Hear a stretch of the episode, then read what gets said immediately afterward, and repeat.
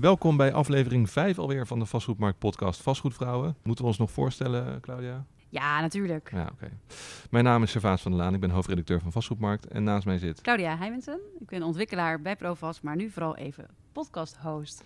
Welkom Claudia. Ja, we hebben nu uh, vier echte vastgoedvrouwen gehad. Karin Laglas, Nicole Maarsen, Annelou de Groot, Eefje Voogd. Maar ze zijn in hun werk uiteindelijk allemaal afhankelijk van wat er in Den Haag wordt bedacht. Dus daarom zitten wij vandaag in Den Haag. Al is dat voor jou natuurlijk uh, iets minder uh, bijzonder dan voor, voor, mij. Ja, dit is voor mij gewoon een, een thuiswedstrijd, althans uh, door de weeks. Ja. Maar nu zitten we op een plek waar ik zeker niet dagelijks kom. Het is namelijk het ministerie van Binnenlandse Zaken, waar hier worden echt alle regels en beleidsvoering gemaakt.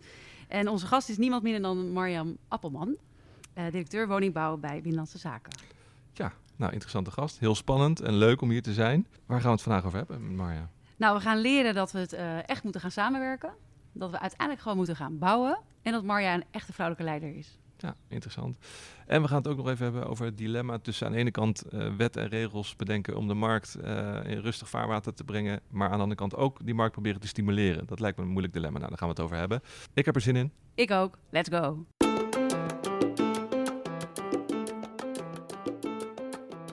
Welkom bij Vastgoedvrouwen. In deze podcast van Vastgoedmarkt leren we de vrouw in commercieel onroerend goed kennen. Hoe bewegen zij zich in een wereld die wordt gedomineerd door mannen in blauwe maatpakken en gesp schoenen? En hoe zijn ze in de wondere wereld van de stenen terechtgekomen? Presentatoren Servaas van der Laan en Claudia Heimensen duiken de diepte in. In een podcast vol humor, optimisme en een vleugje Hollandse nuchterheid. Ze groeide op tussen de bloembollen in de Annapolona-polder als jongste van acht kinderen. Toch koos ze ervoor de bollen achter zich te laten en ging ze economie studeren in Amsterdam. Als directeur van de kansspelautoriteit was ze de grootste nachtmerrie voor makers van verslavende videogames. Als kerstvers directeur woningmarkt ontdekte ze eigenhandig dat de woningmarkt nog helemaal niet af was, zoals minister Blok even ervoor had gezegd. Ze was onderzoeker, ondernemer, consultant, ambtenaar en waakhond. Deze dame is werkelijk van alle markten thuis. Dus als iemand ervoor kan zorgen dat die miljoen woningen gebouwd gaan worden, dan is zij het wel. De directeur woningbouw van Binnenlandse Zaken, Marja Appelman. Daar word ik wel verlegen van als je dat zo zegt. Ja? klopt het een beetje? Ja, feitelijk uh, de klo de, de, klopt het wel inderdaad. Ja, hm. die dingen heb ik allemaal gedaan. Ja. Nou, welkom uh, Marja bij deze podcast, Vastgoedvrouw van Vastgoedmarkt. Uh, leuk dat je er bent. En, Welkom. Ja, en um, directeur woningbouw van BZK moet ik zeggen, voorheen directeur woningmarkt. Wat is het verschil eigenlijk? Nou, um, zoals je net ook al zei, uh, we kwamen erachter uh, in het hele land dat de woningmarkt nog niet af is. Dus we zijn in de afgelopen vier jaar heel veel extra maatregelen gaan nemen. Dus dat is werk voor nog meer ambtenaren en uiteindelijk zoveel meer werk. Uh, ook in interactie met alle stakeholders, en nieuwe wet en regelgeving, uh, nieuwe subsidieinstrumenten. Dat past allemaal niet meer binnen één directie. Dus nu hebben we twee directies die zich richten op de woningmarkt. Directie Wonen, daar is een collega van mij verantwoordelijk voor. En ik richt me op de woningbouw. Ja, en laat het ook zien dat eigenlijk de woningmarkt vooral ook gaat over woningbouw op dit moment. Dat daar echt een aparte directie voor nodig is. Nou, we hebben de term woningmarkt niet meer. Want het gaat over wonen en het gaat over bouwen. Oké, en want de woning is geen woningmarkt. Is dat, zit er nog een ideologisch iets achter? Of, uh... Nou, ik merkte wel in het veld dat het een gevoelige term is en dat je er altijd discussie over kreeg. Dus of, je, of je het nou wel of niet een goede term vindt, dat er discussie over is, dat vond ik al niet verstandig om dat uh, vanuit het Rijk dan te gebruiken. Nee, interessant thema, gaan we het nog over hebben. Maar, ja. maar we beginnen zoals altijd met het duivels dilemma. Duivelse dilemma's.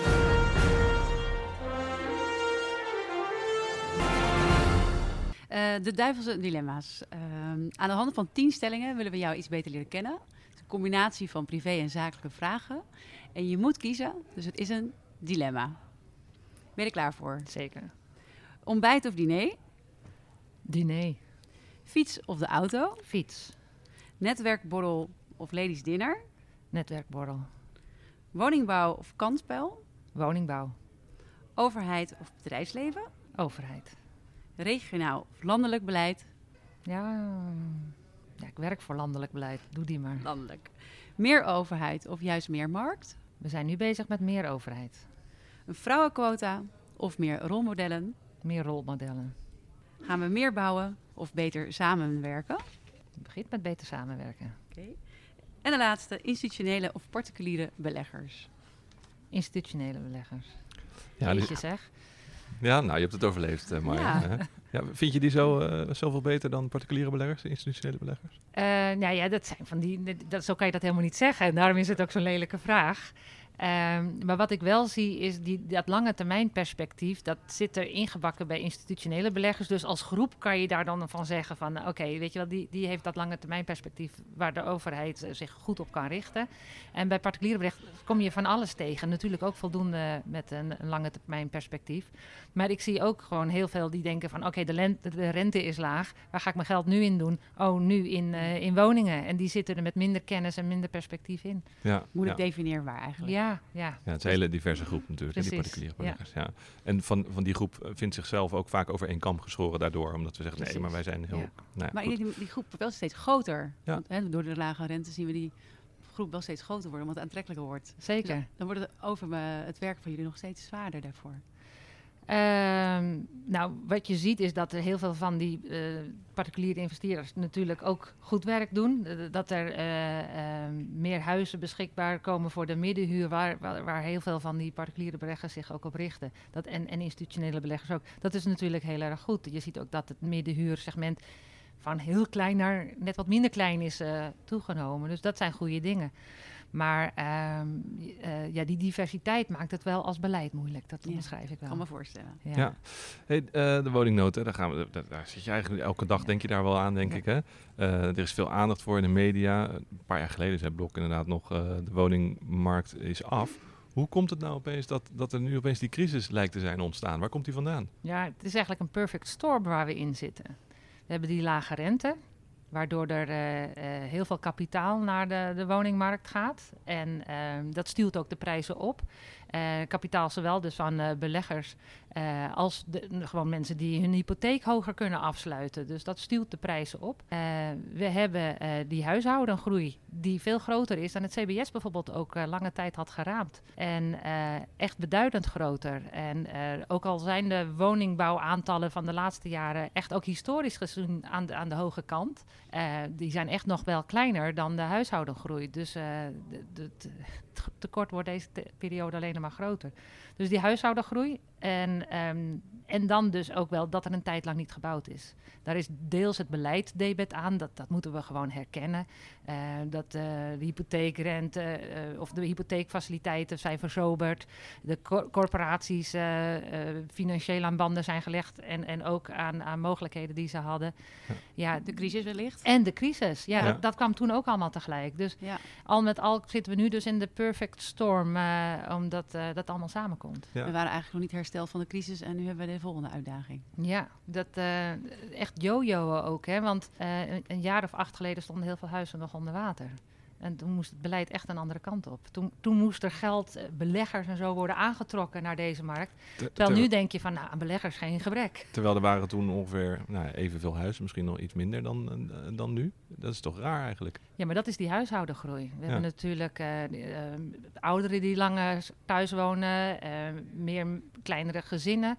Uh, je ziet dat uh, arbeidsmigranten uh, toenemen, ook st studenten uit het buitenland die allemaal meteen ook woningen nodig hebben. Dus daar zit echt een toename. Ja, ook, ook niet voorzien door iedereen. Dus het waren ook de mensen die verstand hadden van cijfers, die zeiden van, ach, er zijn ongeveer wel genoeg huizen. Ja, dus ja. Dat, je hoeft het alleen maar een het beetje bij mee. te houden. Het valt allemaal wel mee. Dat, dat kwam Ja. ook echt uit de modellen van, van uh, menigeen. Ja, en, to en toch zijn er ook nu mensen die zeggen, eigenlijk is het een het, te het tekort is voor eigenlijk vooral gedreven door de financialis financialisering. Hè? Dus omdat zoveel mensen nu met die lage rente een huis kunnen, kunnen kopen, zijn er te weinig huizen. Maar er zijn eigenlijk, even, zijn eigenlijk altijd te weinig huizen. Dus uh, vind je echt dat er een fysiek tekort aan woningen is? Of heeft het ook vooral te maken met, het, met die financieringskant van het verhaal? Volgens mij is het en-en. Ik weet daar niet precies welk deel, hè, want, uh, maar je hebt wel gelijk. Als de rente heel laag is, dan wordt het voor meer mensen aantrekkelijk om, om, om een huis te, houden. Of ze zeggen van nou, ik ga samenwonen, maar ik hou mijn huis nog even aan. En dan staat dat tweede huis uh, slecht gebruikt en dergelijke. En, en ook zie je dat vakantiehuizen heel populair zijn. Dus, maar als je kijkt dus echt, we hebben, we hebben dat ook op onze website staan van hoeveel huizen zijn er nou in Nederland. Als je dan eraf haalt, en dit zijn vakantiehuizen. Mensen zijn ook huis aan het opknappen. De, sommige huizen zijn niet beschikbaar omdat ze uh, voor zorg worden gebruikt en dergelijke. Mhm. Dan zie je ook echt gewoon letterlijk onderaan de streep een tekort. Ja. En eh, ja, dat tekort zal wel wat lager worden als de rente weer omhoog gaat. Ja. Maar er is nu dus echt wel een tekort. En waar zit de grootste pijn? Wat is nu echt het grootste probleem op de woningmarkt? Eh, dat zijn de starters en dat zijn de, de, wat wij dan noemen aandachtsgroepen. Dus, dat zijn, eh, dus niet dat daar de oplossingen zitten, maar wat, daar zien we wel de grootste pijn. Mhm. Dus eh, de, de starters zijn van ja, die wilden toetreden op de woningmarkt. Die, die Ja. willen het huis uit bijvoorbeeld. Of eh, die denken van ehm, ja, ik heb lang genoeg dat studentenkamertje gewoond. Ik, ik- nu, nu wil ik een gezin stichten. Ja. Die treden gewoon niet makkelijk toe. En dan kan je niet echt goed nou, dat gezin gaan vormen. Dan moet je dat allemaal gaan uitstellen. En die aandachtsgroepen, nou, daar zitten bijvoorbeeld spoedzoekers bij. Mensen die net gescheiden zijn. Of mensen met een rugzakje. eh, arbeidsmigranten, statushouders. Mhm. Eh, die ervaren als eerste dat die tekorten er zijn. Want die hebben niet de financiële vermogens Hm. om, om dan maar eh, te gaan kopen of duur te huren. Mhm. Die eh, merken de pijn als eerste. En ik, ik denk dat ondertussen echt iedereen. Ik, ik kom ook bestuurders tegen die, eh, die zeggen: ja, ook gewoon in mijn vrienden- of familiekring kom ik iemand tegen eh, die het zo lastig Ja, heeft. ja, die kennen we allemaal natuurlijk. Ja, Ja. En zitten jullie dan in vanuit woning, hè, de, de, het bouwen wat je net omschetste? Als de koek maar groot genoeg is, als we genoeg bouwen, kunnen we beter gaan verdelen? Of is deze pijn zo erg dat we daar specifiek voor moeten gaan bouwen? Eh, ja, ook. Ja, en dan eh, daar hebben we dus eh, specifieke programma's ook voor. Dat er eh, flexwoningen bijvoorbeeld, of transformatie van kantoorgebouwen of van Rijksvastgoedbedrijfgebouwen. dat we dan aanmoedigen dat ze daar dus juist voor die spoedzoekers en aandachtsgroepen woningen voor maken. Waar ze dan een paar jaar kunnen wonen. Dat kan ook desnoods met een, met een vast con- huurcontract. Maar dat ze dus dan, ja, die woningen zijn dan niet zo aantrekkelijk om daar altijd te blijven. Maar dan hebben ze tenminste wel een eigen plek weer. En wat moeten wij daarbij voorstellen? Zijn dat, eh, is dat Container City of is dat, zijn dat wel echt eh, rijtjeshuizen waar die, dat eerste gezin kan plaatsvinden? Hoe, hoe definiëren wij dat? Nou, dat zijn hele mooie flatgebouwen, kan je zeggen. Nee, dat Ja. heeft niks met containers te maken. Ik ben er vorige week donderdag nog, eh, nog weer, weer eens geweest. En dat is eigenlijk placemaking wat ze daar doen. Dat ziet er echt mooi uit. En, ehm, en als er aandachtsgroepen in gaan wonen, dan zie je ook dat het eh, het beste werkt als er een, een mix is van verschillende aandachtsgroepen. Niet alleen maar statushouders, niet alleen maar mensen die net gescheiden zijn, eh, maar een mix. En dat je daar dus ook een sociale ruimte aan toevoegt. Eh, dat ze samen een moestuin kunnen doen, dat ze ergens... Dat er eh, ook een community kan ontstaan. dat er een community kan ontstaan en dat er dus dan ook zo'n zo'n conciërge wat, wat meer aanwezig is dan wat Ja. eh, gebruikelijk is Ja. in corporatieterreinen. En wie Ja. maken dat voor jullie? Zijn dat eh, de ontwikkelaars die dat neerzetten voor vijf of tien jaar? Of nee, pakken jullie die volledige regie? Nee, dat, eh, wij faciliteren dat met subsidie. Dus dat, eh, dat kan zijn als het die flexwoningen zijn voor corporaties, eh, ontwikkelaars vrijgesteld van eh verhuurderheffing. Op die manier stimuleren we het. En we hebben een regeling dat ook gemeenten eh, daar financieel voor ondersteund worden. Maar wij, wij, wij bouwen zelf niet. Dus wij, Nee, wij nee. helpen ze op die manier. Nee, Ja. En, en, en ook, ook gewoon helpen wij, daar hebben wij teams op zitten, om al die praktische problemen die je hebt als gemeente en corporatie, om die te helpen oplossen. Dat er niet overal hetzelfde wiel wordt uitgevonden. Maar dan hebben wij van die teams die, die dan ondersteunen eh, met kennis. En, Ja. eh, Ja. en Maar als ik dan het goed begrijp, is het zo dat een corporatie willen graag van die verhuurdersheffing af. Hè? Dat, dat, dat ligt altijd op tafel. Maar eigenlijk is er dus een oplossing. Als zij goed doelgericht ontwikkelen, dan kunnen ze het eigenlijk wel voor deze specifieke doelgroep. Ja, maar je ziet ook dat ook flexwoningen, ook al wordt dat. En, en, en, en die andere woningen, het zijn niet alleen maar flexibele woningen, maar het zijn ook andere woonconcepten die eh, tamelijk snel tot stand kunnen worden gebracht. eh, die wij financieel ondersteunen. En we hebben dus ook een team klaarstaan om praktisch te ondersteunen. Eh, dat het dan toch nog moeilijk is om daar de handen voor op elkaar te krijgen. Want dan zegt de gemeenteraad van, is dat nou wel de doelgroep om in onze gemeente op te nemen? Of de buurtbewoners zeggen het zelf en gaan Ja, daar ja. tegen in, eh, in geweer. En, en het is goed dat dat debat plaatsvindt, hè? Want dan, dat, je, je wil ook dat je een fijne gemeenschap houdt als dorp of als Ja. stad. Eh, maar daardoor zie je wel dat het dan even goed nog lang kan duren. Eh, dus de, de locatie vinden blijft dan toch ook moeilijk. Ja, Ja. dat, dat kennen we overal volgens mij. Ja. Of je nou Ja, binnenstedelijk bouwt of eh, langs de randen van de Sowieso stad. zijn altijd mensen ergens niet mee eens. Ja. Dat is eh, altijd, Ja, elke verandering is spannend. Precies. Sowieso ja. is natuurlijk de hele woningmarkt een probleem van een kleine groep. En de meeste mensen hebben het eigenlijk prima voor elkaar. En dat denk dat het daarom ook best wel lang heeft geduurd voordat men de urgentie zag. Ja. Als het over de woningmarkt in Nederland gaat, hebben we het vaak over de koopwoningmarkten. Nederlanders zijn best wel gefixeerd, met het kopen, gefixeerd op het kopen van een woning. Je zou kunnen zeggen, als we nou zorgen voor veel meer huurwoningen, hebben ook die starters hebben eigenlijk een, ook een goed alternatief voor een nog best wel flexibele periode in hun, in hun leven. Dan kunnen ze, meer, kunnen ze nog even een woning huren en misschien sparen. Maar nu kunnen ze niet sparen omdat die huren zo hoog zijn. Hoe kijk jij daarnaar? Ja, wat je ziet is dat er heel veel uh, financiële ondersteuning, precies zoals je zegt, gaat naar mensen die willen kopen. Ja. Uh, maar de mensen die niet kunnen kopen, dat, uh, niet alleen kunnen zij geen vermogen opbouwen via het huis. Uh, maar ook is het zo, en dat zie je gewoon uit de woonquotes, dat ze een groter deel van hun inkomen kwijt zijn. Ja. Ja. Dus uh, uh, dat is wel iets wat wij ook meegeven. Dus dat, dat hebben we in brieven naar de Kamer gezet. Dus ja, het is aan de formatie om dit soort spannende issues met elkaar te bespreken. Van, ja, moet je dat evenwicht van waar gaat de, de, de middelen uit de schatkist, waar gaan die heen? En heb je het dan over minder subsidie op kopen of meer subsidie op huren? Wat, is dan, wat ja, zijn jullie, wat, wat, wat adviseren jullie? Nou, kijk, als je er economisch naar kijkt, de, er hoeft niet meer geld uh, naar de woningmarkt. Het moet beter betaalbaar worden. Dus uh, uh, dan denk ik dus dat je, nu de rente zo laag is, de kans moet nemen om de financiële, de fiscale ondersteuning van kopen te verzoberen. Weet je wel, de rente is nu laag. Je ziet ook al dat heel veel kopers zelf zeggen van, hé, hey, ik ga niet voor die hypotheek waarvoor ik fiscale ondersteuning krijg. Dus ze stappen er zelf al uit. Ja, ja de dus, hypotheekrente af. Maar dan stap ik persoonlijk niet waarom de overdrachtsbelasting naar nul is gegaan voor starters. Dat is nog een extra stimulans geweest. Ja, maar daar staat tegenover dat de uh, overdrachtsbelasting gestegen is voor beleggers. Dus per saldo wordt er uh, voor de totale markt evenveel uh, overdrachtsbelasting uit de markt gehaald als in het verleden. Dus de schatkist is nul, dus ook ja, uit ja, de markt wordt er evenveel nee, gehaald. Het is een budgetneutrale exercitie geweest. En maar daarmee ook voor de markt neutraal. Maar, maar, maar herverdeeld tussen de verschillende doelgroepen op de markt. Maar, maar, het heeft niet echt de starter geholpen, want de prijzen aan zich zijn daardoor weer gestegen. gestegen Althans, dat zeggen de makelaars. Laat, laat de markt zien. Uh, is het dan nog te zoeken in die financiële of is het veel meer in product, productie, type woning, om daar de oplossing te zoeken? Ja. Nou, in dit instrument en ook in andere instrumenten zie je toch wel dat, dat het om die lange adem gaat. Dus uh, wat de implicaties zullen zijn van die uh, eh, OVB. Ja, op korte termijn is dit voorspelbaar en de, de, dat, het, dat dit er gebeurt. Maar dat gaat echt om op de lange termijn wat het voor effect heeft. En dat dus het is een maatregel voor de lange termijn? Dat is een maatregel inderdaad. Dat je dus de, de positie... Uh, Want ik begreep dat die over drie jaar geëvalueerd wordt, ja, de maatregel. en dan kijken ja. wat er dan, of, dat, ja. of, of, je dan de goede dingen ziet. Dus wellicht hadden we vorig jaar gewoon een, een enorme sprint van iedereen naar de notaris. Maar nou ja, ja dat is natuurlijk dat wel... was wel ook in de rapporten voorspeld dat er zou gaan gebeuren. Dat dus ja, ook, want er komt natuurlijk nu die opkoopbescherming komt, uh, komt eraan. Nou ik kan je nu al voorspellen dat er waarschijnlijk heel veel beleggers nog even snel uh, toeslaan op de markt.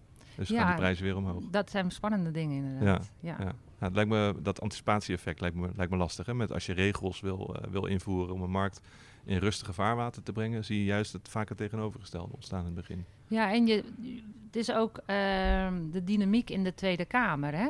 Dus dat je die urgentie om die maatregelen te nemen, die neemt toe uh, in de Tweede Kamer als het in, in de markt spannend wordt. Um, maar wat jullie ook schetsen, en dat is helemaal terecht, ja, elke maatregel heeft ook zijn neveneffecten die vaak juist in het begin optreden. Ja, ja. En het lijkt me moeilijk als ambtenaar. Ja, dat is best wel moeilijk. Ja, vooral ook omdat... Het oordeel is zo snel gelegd eigenlijk. Ja, en, en eigenlijk zijn uh, marktpartijen om goed hun werk te doen gebaat bij rust. Ja, ja, uh, Meer nog dan of de maatregel perfect is, moet, moet die maatregel gewoon niet te vaak gewijzigd worden. Want dan weet je waar je aan toe bent met het doen van investeringen. Uh, en dan is je risicoopslag ook kleiner.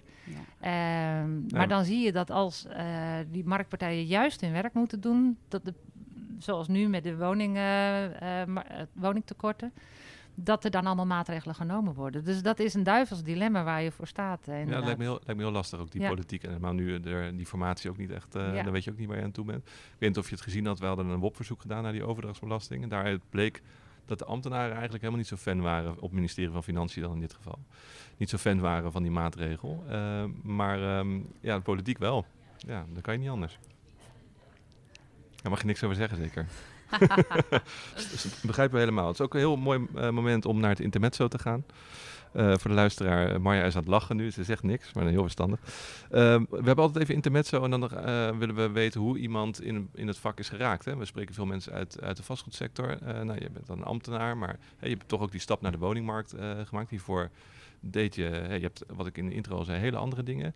Dus, dus uh, hoe ben jij eigenlijk, hoe is dat gegaan vanaf de kansspelautoriteit naar, naar de woning, uh, naar Binnenlandse Zaken, naar de woningmarkt? Hoe, Ja, is dat ontstaan? de kansspelactiviteit was voor mij eigenlijk een intermezzo. Je gebruikte net dat woord in een andere Ja. context. Maar ik heb heel lang eh, eh, beleid en consultancy eh, en ook ehm, toezicht in de zorg gedaan. Dus ik kende de zorgmarkt heel erg goed. En er zitten grote parallellen tussen de zorgmarkt en de woningmarkt. Dus ehm, nadat ik wel een jaar of twaalf eh, bezig geweest eh, met eh, verbeteringen aanbrengen in die zorgmarkt... eh, kreeg ik dat intermezzo in de- bij de kant spelen. En toen dacht ik na een paar jaar van... Maar ik wil eigenlijk weer terug naar zoiets als de zorg. Ehm, moet je weten, ik ben de dochter van een aannemer. Ja. En eh, op Ik dacht toch wel dat het ergens in het bloed zat. ja, en Ja. eh, Nu snappen we het. ja, maar het is dus wel zo dat s ochtends op 7 uur werd ik eh, gewekt, niet door een wekker, maar door de cirkelzaagmachines die in de fabriek achter ons eh, aangingen. En eh, in, in de weekenden met mijn vader mee de bouw langs. Dus het is echt eh, de geur van hout en eh, lopen eh, met je laarzen aan over die bouwterreinen waar ik mee ben opgegroeid. Dus ja, als je dan nadenkt van ja, ik wil graag bij de Rijksoverheid werken. Ik ben ook consultant geweest. Wilde je dat echt voordat je economie ging studeren? Was dat een bewuste keuze? Van ik wil maatschappelijk bijdragen, dus bij, het, bij de overheid? Ja, en, en toen had ik nog niet het idee dat het de Rijksoverheid zou zijn, maar wel echt zo maatschappelijk bijdragen. En, en dan, Had ook als architect gekund. Ja, maar ik vind economie wel echt een heel boeiend ja, vak. Precies. Ja. Had je ook kunnen doen, Claudia, als architect. eh. ja, nee, zeker. Nee, ik Heb- vraag het. heb je ook Leuk. niet voor gekozen? Ik ben ook een dochter van een aannemer, dus Ja. dat is hartstikke leuk. Nou, Ja. kijk eens aan. En eh, nou, uiteindelijk werd het dus de Rijksoverheid. Maar ehm, ik ben een tijdje ook consultant geweest. En toen kwam ik erachter, oh nee, ik vind het toch echt leuker bij de Rijksoverheid. Je hebt ook een eigen onderzoeksbureau opgericht. Precies, en die bestaat nog dus steeds. Je bent ook een ondernemer eigenlijk. Ja, want Dus- dat, dat was mijn vader ook. Dat zit ook in mijn dat zat er toch in je bloed dan, ja. En de, ja, de grap is ook dat eh, ik maakte wel stappen bij de Rijksoverheid. En dat vertelde ik dan. En dan zeiden ze, ja, ja, knap hoor. Ze hadden, dat, dat is, zijn loze termen voor mensen die niet bij de Rijksoverheid werken. Mhm. Eh, en toen werd ik op een gegeven moment eh, ondernemer met mijn eigen bedrijf. Nou, toen, werd, Toen werd had je het gemaakt. toen had ik het gemaakt Ja. bij mij thuis. Ja, en ja. toen ging ik ze dus wel na een jaar of zeven weer vertellen. Nou, ik ga toch maar weer terug naar de Oh Rijksoverheid. jee. Het is wel zo dat binnen de Rijksoverheid, ja, we zijn zoveel bezig met nieuw beleid maken. We zijn zo al aan het groeien ook als, als onderdeel van de Rijksoverheid, wat zich dan richt op eh, wonen en op woningbouw. Dat ik voel me wel een ondernemer binnen de Rijksoverheid. Ja, ja. Ja. Ja. ja. In welk opzicht dan? Omdat wij eh, nou, met braakliggend terrein nieuwe dingen tot stand moeten brengen. Ja, het is echt ook wel pionieren wat we hier doen. En, en ehm, risico's wegen, kan ik dit risico aangaan? Ehm, dat wij nu bijvoorbeeld mensen aan het aannemen zijn met een bepaald profiel. Eh, omdat als het regeerakkoord wordt gesloten, als voorbeeld, dan moeten we meteen aan de slag. Maar we weten natuurlijk niet welk, risico, welk regeerakkoord wordt gesloten, met wat erin staat. Mhm. Dus, eh, dus ook bijvoorbeeld met het bouwen van de eigen directie, ja, ben ik dus dan ook, ja, eh, welke, wat moet ik nu al wel voor mensen aannemen en waar moet ik nog wachten? Wat Ja. voor type bedrijf wil je gaan neerzetten? Ja, en ja. ehm, wetende dat al die onzekerheden er zijn. Nou, dat doet mij wel denken aan toen ik een eigen bedrijf had. Dat ik dan ook dacht van, ga ik die opdracht binnenhalen of niet? En kan ik dan Ja. nu wel mensen aannemen? En ik herinner me ook nog het ges- nou, eigenlijk het eeuwige gesprek wat mijn vader had aan de eettafel was... Ik heb te veel mensen en te weinig opdrachten of andersom. Ik heb ja, eh, ja, ja. ehm, te, te veel opdrachten en te weinig mensen. ja, en allebei is eh, niet Allebei goed. niet goed. Nee. En dat was eeuwig het gesprek Ja, aan tafel. Dat is ook een beetje ons. het verha- verhaal van de bouw, geloof ik. Hè? Het is Precies, altijd, eh, ja. altijd eh, te veel of te weinig. eh, Ja. Het is nooit goed. En is het nu stilte voor de storm, aangezien we natuurlijk de in spanning afwachten wat ze gaan besluiten? Zeker, ja, zo kan je dat wel zeggen. En dus voorbereiden op, eh, op wat er dan gaat gebeuren met alle onzekerheden van dien. Ja, ja. maar Ja. dat we die eh 1 miljoen woningen gaan maken, dat weet iedereen eigenlijk al wel. Ja, laten we dan doorgaan naar het, eh, het, het volgende onderdeel. En dat we inderdaad even naar de toekomst gaan kijken. Want wat voor plannen hebben jullie, liggen er nu? En eh, ik snap dat het nog van, van een nieuw kabinet afhankelijk is. Maar wa- wat zijn jouw ideeën over, over eh, die miljoen woningen? En hoe kunnen we die woningmarkt uit de slop trekken? Ja, nou, bij de dilemma's vroegen jullie het al. Wat mij betreft begint het bij samenwerking. En die samenwerking, eh, die, die zijn wij de afgelopen jaren echt ook aangegaan met eh, individuele stakeholders. Dus, dus individuele ontwikkelaars, individuele bouwbedrijven, maar vaker natuurlijk nog de brancheorganisaties. En ook met eh, gemeenten en provincies weer uitgebreider in gesprek. En, en wat je merkt is dat er zijn en blijven verschillen, maar dat heeft ook te maken met ieders verschillende rol en taken in, in die woningmarkt. Maar eh, grosso modo willen we allemaal wel dezelfde kant eh, uit. En eh, dat is denk ik wel wat we voor elkaar hebben gekregen in de, in de afgelopen vier jaar. En, en dat is, heeft denk ik ook wel een ver- vertrouwensbasis gelegd voor de volgende stap. Want ja, ik zie het echt wel als. we kwamen van een periode voor het huidige kabinet dat er heel veel bezuinigd werd. En dat ook de rol van de over- Rijksoverheid werd ingeperkt. En veel meer aan de markt werd overgelaten. En, en tegen de gemeente eigenlijk door het Rijk werd gezegd: Nou, dat redden jullie wel. En eh, nu gaan we, eh, hebben we een transitie gehad nadat we zijn begonnen met eh, weer investeren in die relatie. Maar ook investeren in baar geld en in, in, in ondersteuning vanuit het Rijk. Ja, dus als jij zegt meer overheid, bedoel je veel meer faciliteren van hetgeen wat de markt doet. Ja, Anders dan het opleggen en redigeren ervan. ja maar eh, we, zijn, we zien ook dat we ook begonnen zijn met regie nemen. We hebben gezegd, hey, die plancapaciteit moet omhoog. Die moet naar 130 procent. Ja. En eh, dat hebben we dus ook gerealiseerd. Dus nu zijn er eh, eh, zo'n 150.000 woningen extra in plannen opgenomen. Hoe, En- hoe krijg je dat voor elkaar dan? Hoe, hoe- ook als je dus niet direct aan eh, de opdrachtgever bent, hoe zorg je voor meer plancapaciteit? Wat, wat wij hebben gezegd, eh, laten we samen kijken naar de prognoses van hoe de huishoudens zich ontwikkelen. En dat deden we samen met de provincies en de gemeenten. Mhm. Hebben we consensus over de cijfers? Nou, daar begint het mee. Consensus over wat is nou eigenlijk de, opgave waar Ja. we voor staan. Ja, ja, ja. Ehm, en zijn we het dan met elkaar eens dat, dat ja, lokaal gepland wordt, ingepland wordt voor de komende 10 jaar of 15 jaar aan woningen, dat het moet optellen tot wat er nationaal nodig is. En als je daar die consensus op hebt, dan, dan zegt iedereen op een gegeven moment van oké, dan moet ik mijn deel doen. En dan Dat gaan lijkt me we. wel spannend, want dan moet je zowel op aantallen, maar ook types. Ja, wat, waar we, we zijn begonnen. Wat we nu hebben gedaan is op aantallen. Ja, Eh, eh, dat er voldoende plancapaciteit is, gewoon locaties aangewezen. Dus dat is waar de provincies en de gemeenten mee aan de slag zijn gegaan. En dat is zo ontzettend toegenomen. En eh, daarna hebben we ook uitgevraagd van, eh, ja, als je nou voldoende betaalbaar voor starters en voor ouderen en eh, ook voldoende middensegment, als je wilt bouwen, wat kost dat dan financieel? Dat was toen de volgende vraag die we hebben gesteld. En die business cases hebben we laten maken, hebben we laten inventariseren. En die hebben we dus, dus toen ook geze- gezegd van, wat moeten we nu doen? We moeten doorgaan met die regie nemen. Nu hebben we dat alleen maar op die aantallen gedaan. Eh, maar als de, eh, het regeerakkoord ons straks handvatten geeft, dan kunnen we ook zeggen: het moeten zus-woningen zijn of zo-woningen zijn. Want dat Ja. is vaak ook een politieke keuze. Wat zou dat Ja. voor handvatten kunnen zijn? Want eigenlijk, eh, natuurlijk, het hele verhaal is dat die markt, eh, de woningmarkt is gedecentraliseerd. Ik mag geen woningmarkt zeggen, maar de woningopgave is gedecentraliseerd. Ligt bij gemeenten, provincies. Maar wat nou als inderdaad een provincie zegt van nee, maar we willen hier geen woningen bouwen. Je moet windmolens of andere dingen komen. Wat kun je dan als Rijk, wat, wat, welke handvatten hebben jullie nu Ja. om dat eh, dan toch voor elkaar te krijgen? Zo, nee jongens, jullie moeten wel echt gewoon die Ja. woningen gaan bouwen daar. Dus het begint met elkaar overeenstemming hebben over die doelstellingen. Mhm. Dan met elkaar afspreken van. En zoveel aantallen en zoveel type woningen eh, moeten dan ook gerealiseerd worden in die regio. En dan is het lokaal om uit te zoeken waar dat het beste kan, want dat kunnen ze het beste zien. En als dat dan niet gebeurt? En dan ook al vooraf met elkaar afspreken, als het dan niet gebeurt, Ja? dan doen we dit. dan doen we dit en dan doen we dat. Dus dan is het comply or explain. Het kunnen exogene omstandigheden zijn, dat er bezwaarprocedures zijn bijvoorbeeld, of dat er ergens een vogeltje rondvliegt wa- waardoor het door bepaalde regels niet kan. Mhm. Ehm, Maar kan je, dan kan je met de stok slaan. Dan zeg je van... eh, ja, of de- soms hebben ze hulp nodig. Ja. Eh, als, als het echt iets is waar ze niet iets aan kunnen doen. En andere keren, je, je begint natuurlijk met eh, het publiek erop te wijzen. En dat is een heel sterk middel. Dat, we- dat leren we ook in andere sectoren.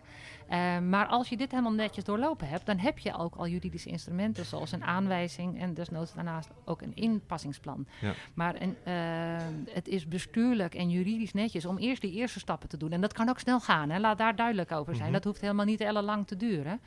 Maar wat je nu ziet is dat al die eerste stappen die waren er niet. Er was helemaal geen consensus over wat de doelstellingen waren. Er was niet een, een, een, een, een gespreks governance opgericht. Dus dat zijn we nu eh, aan het wat- doen. En dat moet nog versterkt worden. en wat is er nog nodig, zeg maar, als het aan jou zou, zou liggen eh, in het nieuwe kabinet? Wat, wat hebben jullie nodig? bevestiging dat dit de route is. En ik verwacht wel dat we dat gaan krijgen. Ja. En dat er ook ja, de bevestiging krijgen van, van wat voor type woningen zijn nodig. Dat kunnen wij wel adviseren, maar dat is vaak ook een politieke keuze.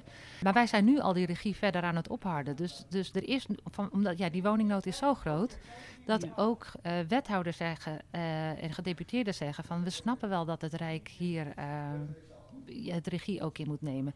Dan hou je dus zoveel mogelijk decentraal waar wat moet komen. Maar dat je dus wel nou, eerst hen toe kan spreken als het uh, niet snel genoeg gaat. Maar desnoods ook de juridische instrumenten uh, kan inschakelen. Ja. Ja. Wat me nou nog een lastig dilemma lijkt. Hè? Dat je, je wil aan de ene kant wil je die woningbouw enorm aanjagen. We hebben die 1 miljoen woningen nodig. Tegelijkertijd wil je natuurlijk de bestaande voorraad en ook die nieuwe woningen overigens betaalbaar houden. En dus heb je, jullie zijn uh, met plannen bezig, we hebben al maatregelen ingevoerd over maximering van de huurprijsstijging. Uh, nou ja, opkoopbescherming komt eraan. Uh, maar aan de ene kant heb je die beleggers nodig, hè, die ontwikkelaars, om te investeren. En aan de andere kant zeggen ze, ja, maar met die maatregelen dan worden wij eigenlijk lam, lam geslagen. Dan kunnen wij niet meer uh, dat doen. Dat lijkt me een heel moeilijk dilemma voor jou. Ja, dat is het zeker. Dat, dit is een van de dilemma's die we structureel tegenkomen. Uh, en het is ook heel erg politiek bepaald trouwens, hoe we hiermee uh, Ja, dat omgaan. komt er nog eens bij inderdaad. Dat ja. komt er nog eens bij. Ja. Dus, dus wat, wat, wij zien is dat in die tijd dat er nog geen, dat er geen regie was vanuit het Rijk, want die zijn we nu, natuurlijk nu aan het opstarten, daar hadden we het net over, dat er geen stimuleringsmaatregelen was uit het Rijk, dan, dan moet je er echt heel erg mee oppassen.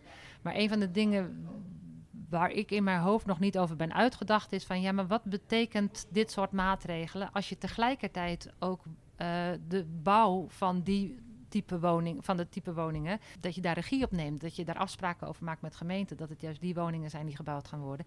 En dat je ook zorgt dat het rendabel gebouwd kan worden, dus dat er voor iedereen voldoende winst is te behalen, een, een, een normale winst. Mm -hmm als je dan dat soort maatregelen neemt, dan wordt de business case voor de beleggers en ontwikkelaars uh, misschien wel wat kleiner, maar wordt die dan ook meteen oninteressant. Dus daar ben ik nog over aan het nadenken. Ja. Want het is dus niet meer de, de, simpele casus die er was van, oh, elke maatregel maakt het onaantrekkelijk om te investeren. Want nee, nee we nemen ook andere maatregelen die, die het juist weer aantrekkelijker maken. Van. Ja, wat, Ja. wij, wat wij vooral uh, als, als journalisten, uit, uh, als we met marktpartijen praten, uh, horen, is toch dat het vooral de stapeling van maatregelen is waar veel beleggers problemen mee hebben. Hè, dus dat de, dat de ene, en dat heeft ook met het politieke te maken, denk ik. Dat er elke dag, el, elke jaar met Prinsjesdag komt er iets nieuws uit de hoge hoed. En, en denkt de markt, oh jee, hoe moeten we dit nu weer gaan opvangen? Terwijl Ja. de markten volgens mij, en dat weet jij ook als geen ander als ondernemer, heb je gewoon rust, reinheid, regelmaat nodig. Je wil gewoon voor een lange termijn gaan investeren. Ik onderschrijf dat helemaal. Rust en eh, voorspelbaarheid. Ook al is het een on- onaantrekkelijke maatregel die er lange tijd is. Dat is eh, voor de markt toch nog beter dan steeds weer andere maatregelen. Of wellicht ergens op terugkomen. Een bepaald beleid in bepaalde steden. Nou, dat, Stagneert dus dat, de zou ik ook, woningbouwproductie. dat zou ook, eh, denk ik, heel veel goodwill eh, eh, creëren, denk ik, bij de markt. Als de overheid op een gegeven moment bij bepaalde maatregelen zegt van, nou, dit heeft niet gewerkt, eh, we, gaan hier, we gaan hiermee stoppen. Maar vaak zie je toch wel weer een labmiddel die dan het vorige labmiddel moet gaan lappen. Nou, dat? dat? wat ik vooral de, de, de, begrij- de begrijpelijke behoefte dat je problemen wil oplossen, maar terwijl de e- effecten van de vorige oplossing nog niet zijn eh, door, door- helemaal doorleefd. Ja, En dat er ja. dan eh, ehm, ongeduld is om die, eh, de effecten daarvan af te wachten en dat er dan alweer om een nieuwe maatregel wordt gevraagd. Dat, vind ik, dat vind ik lastige Ja. dingen als beleidsmaker. En er wordt ook vaak over symptoombestrijding gesproken. Dat niet het daadwerkelijke probleem op de woningmarkt wordt aangepakt, gepakt, maar echt meer excessen.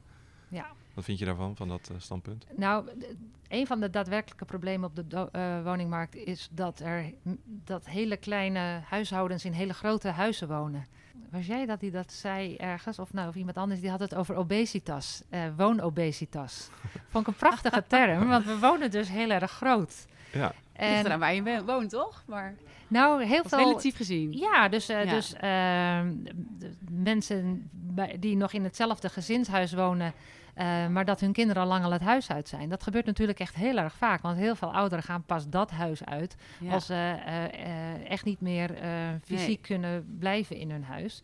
Eh, Nee. Terwijl dat zijn hele grote huizen. Ja. En terwijl dan die gezinnen, die wonen in Ja. die hele kleine huizen. Maar Bergen Ja. heeft daar een, recent iets op bedacht. Hè? Van nou, laat, laat je nou die woningen mogen splitsen zonder tussenkomst van extra kosten. Ik ben heel benieuwd of dat gaat uitpakken op de lange termijn. Ja. En, eh, maar het is natuurlijk, wat zei Karen de Glas ook. Je bent helemaal verbonden aan dat huis. Hè? Je hebt er je kinderen gekregen en je kinderen zien opgroeien. Dus er zit een stukje sentiment ook die je dan... Precies. Ja, het, het alternatief moeten we zo goed maken. Dat net heel zeggen, graag weg Het moet een positieve keuze worden om dat Ja. huis te verlaten. En ik denk Ja. dat inderdaad de markt Ja. daar nog wel wat eh, te Ja. winnen Ja. heeft. Ja, Want, wij- want ja. die echte zorgvastgoed, dat is er wel. Hè? Dus mensen met hele specifieke zorgbehoeftes. Maar een beetje de tussenvorm tussen eh, nog in het grote huis in Aardehout eh, wonen en eh, uiteindelijk die zorgwoning, daar zit nog een hele hoop, hoop tussen. hè. En ik denk Ja. dat daar nog wel wat eh, nieuwe concepten kunnen worden bedacht. Ja. Die Dus- interessant zijn voor, dit, voor dus- deze ouderen. Dus die doorstroming krijgen, dat die mismatch, eh, vooral aan de, de kant van ouderen, ehm, d- dat eh, ik, ik maak ook wel grappen in mijn omgeving van iedereen die 55 is. Zo van, eh, denk jij al na over je volgende huis? Oh, En, eh, zie dus, je een nieuwe campagne aankomen. van- ga je die arme mensen een huis uitjagen? Dat is niet de bedoeling, Ja, maar of, ja. of- of dat, of dat ik De bestuur laatste verhuizing. Ja. nee, maar dat Ach. moet dus eh, een positieve keuze worden en een meer vanzelfsprekende keuze. En nu zie je toch vaak dat, ehm, ehm, dat, het, dat het daar niet aan, financieel aantrekkelijk is. En inderdaad, je bent helemaal geaard in je eigen huis en in die omgeving. En dat het dus dan eh, dubbel onaantrekkelijk is. Terwijl nou, het moet een positieve keuze gaan worden. Nou, eh, uit eigen ervaring, we hebben een project gemaakt. Dat gaat over drie jaar pas opgeleverd worden. En voor die groep, of doelgroep was dat juist fijn.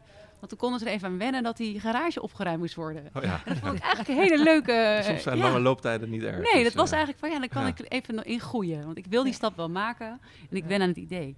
Eh, ik heb wel iets anders wat ik je wilde vragen. Want we zijn eh, recent geconfronteerd met enorme overstromingen in, eh, in Limburg, Duitsland, eh, België. Ik was in Luik in Duitsland. Ik zag dat het veel erger was. Dus ik denk dat Nederland heel veel stappen heeft gemaakt. Als het gaat om eh, ruimte voor de rivier. Eh, ja, echt het klimaatadaptief bouwen. Is dat nog steeds, eh, commissie Veerman, hè, 2009, dat rapport. Is dat nog steeds actueel? Is dat eh, in jullie eh, huidige agenda ook? Zeker. Ja, wij hebben ook een advies gevraagd aan de Delta-commissaris. Daar hebben we nu recent een, de eerste deel daarvan is gepubliceerd. En in het later in het najaar komt er nog een, een nieuw, uitgebreider advies. Want we gaan natuurlijk 900.000 woningen bouwen de komende Precies, tien waar jaar. komen die dan? Waar komen die dan? Op een terp. En iedereen denkt dan van allemaal ja, die allemaal in het oosten van het land natuurlijk, want dit gaat onderstromen, dit gebied. Eh, je... Dus nee, dat is eigenlijk bij wijze van spreken het, het advies Ja. aan de Delta-commissaris geweest van waar moeten we op letten Ja, ja, met ja. het eh, bouwen van die woningen. En, eh, en wat betekent het ook financieel en voor de kwaliteit van woningen? En, eh, dus eh, nee, dat staat vol op ons, op ons netvlies. Want ja, de- de- onze woningvoorraad moeten we dus de komende tien jaar met meer dan 10% toe laten nemen. Dat is zo gigantisch veel. Als we dan dit soort vragen van de lange termijn over klimaat en over verduurzaming en over wat voor ma- eh, materiaal gebruik je om je woningen mee te bouwen, die moeten we ons nu wel stellen. Ja. Want anders missen we allemaal kansen en moeten we straks waarschijnlijk driedubbel gaan betalen om alles te herstellen. En wat nou als die, eh, die crisis komt, de markt stort in en eh, de rente gaat omhoog, mensen kunnen geen hypotheek meer krijgen, er is geen vraag meer naar woningen. Gaat die woningbouw dan door, die 900.000 woningen worden? Hè, dat, gaat het dan door of zeggen jullie dan nou, even pas op de plaats maar weer? Nou, die we- signaleerden net al bij elkaar dat als die rente verandert, dat dan eh, waarschijnlijk dus ook wel de ont- ontwikkelingen van hoe, hoe, eh, hoeveel geld gaat er naar de woningbouw eh, vanuit eh, beleggers. Wat zal de vraag naar nieuwe woningen worden? Eh, dat zal dan ook wel eh, wijzigen. Dus dan gaan we eerst dat soort huiswerk doen. Die scenario's die hebben we er natuurlijk wel liggen. Dan moet er nog steeds gebouwd worden, want er is gewoon een tekort aan woningen. En dan moet er nog steeds ook op de kortste termijn veel gebouwd worden. Ja. Maar dan gaat het op de langere termijn, eh, ehm, zou het er anders kunnen gaan uitzien. Gaan we naar het volgende Wij gaan door naar het volgende onderdeel. Dat is namelijk de vraag van de vorige gast van de podcast. Dat was Eefje Voogd, eh, makelaar in- op de Zuidas in Amsterdam. Ehm, zij vroeg aan jou het volgende. Ja, ik zou willen vragen, waar liggen jouw ambities? En dan misschien nog wel heel spannend, wat ga je ervoor laten? Ja, eigenlijk niet zoveel. Want ik volg mijn buik en mijn hart. Die, die eh, leiden mij meer dan, eh, dan mijn ratio. Dus eh, het zijn eigenlijk positieve keuzes geweest. Maar ehm, wat wel zo is, dat mijn familie komt uit de kop van Noord-Holland. En ik, ik woon hier in Den Haag. En in periodes dat het eh, niet goed gaat met familieleden, dan ben ik ver weg.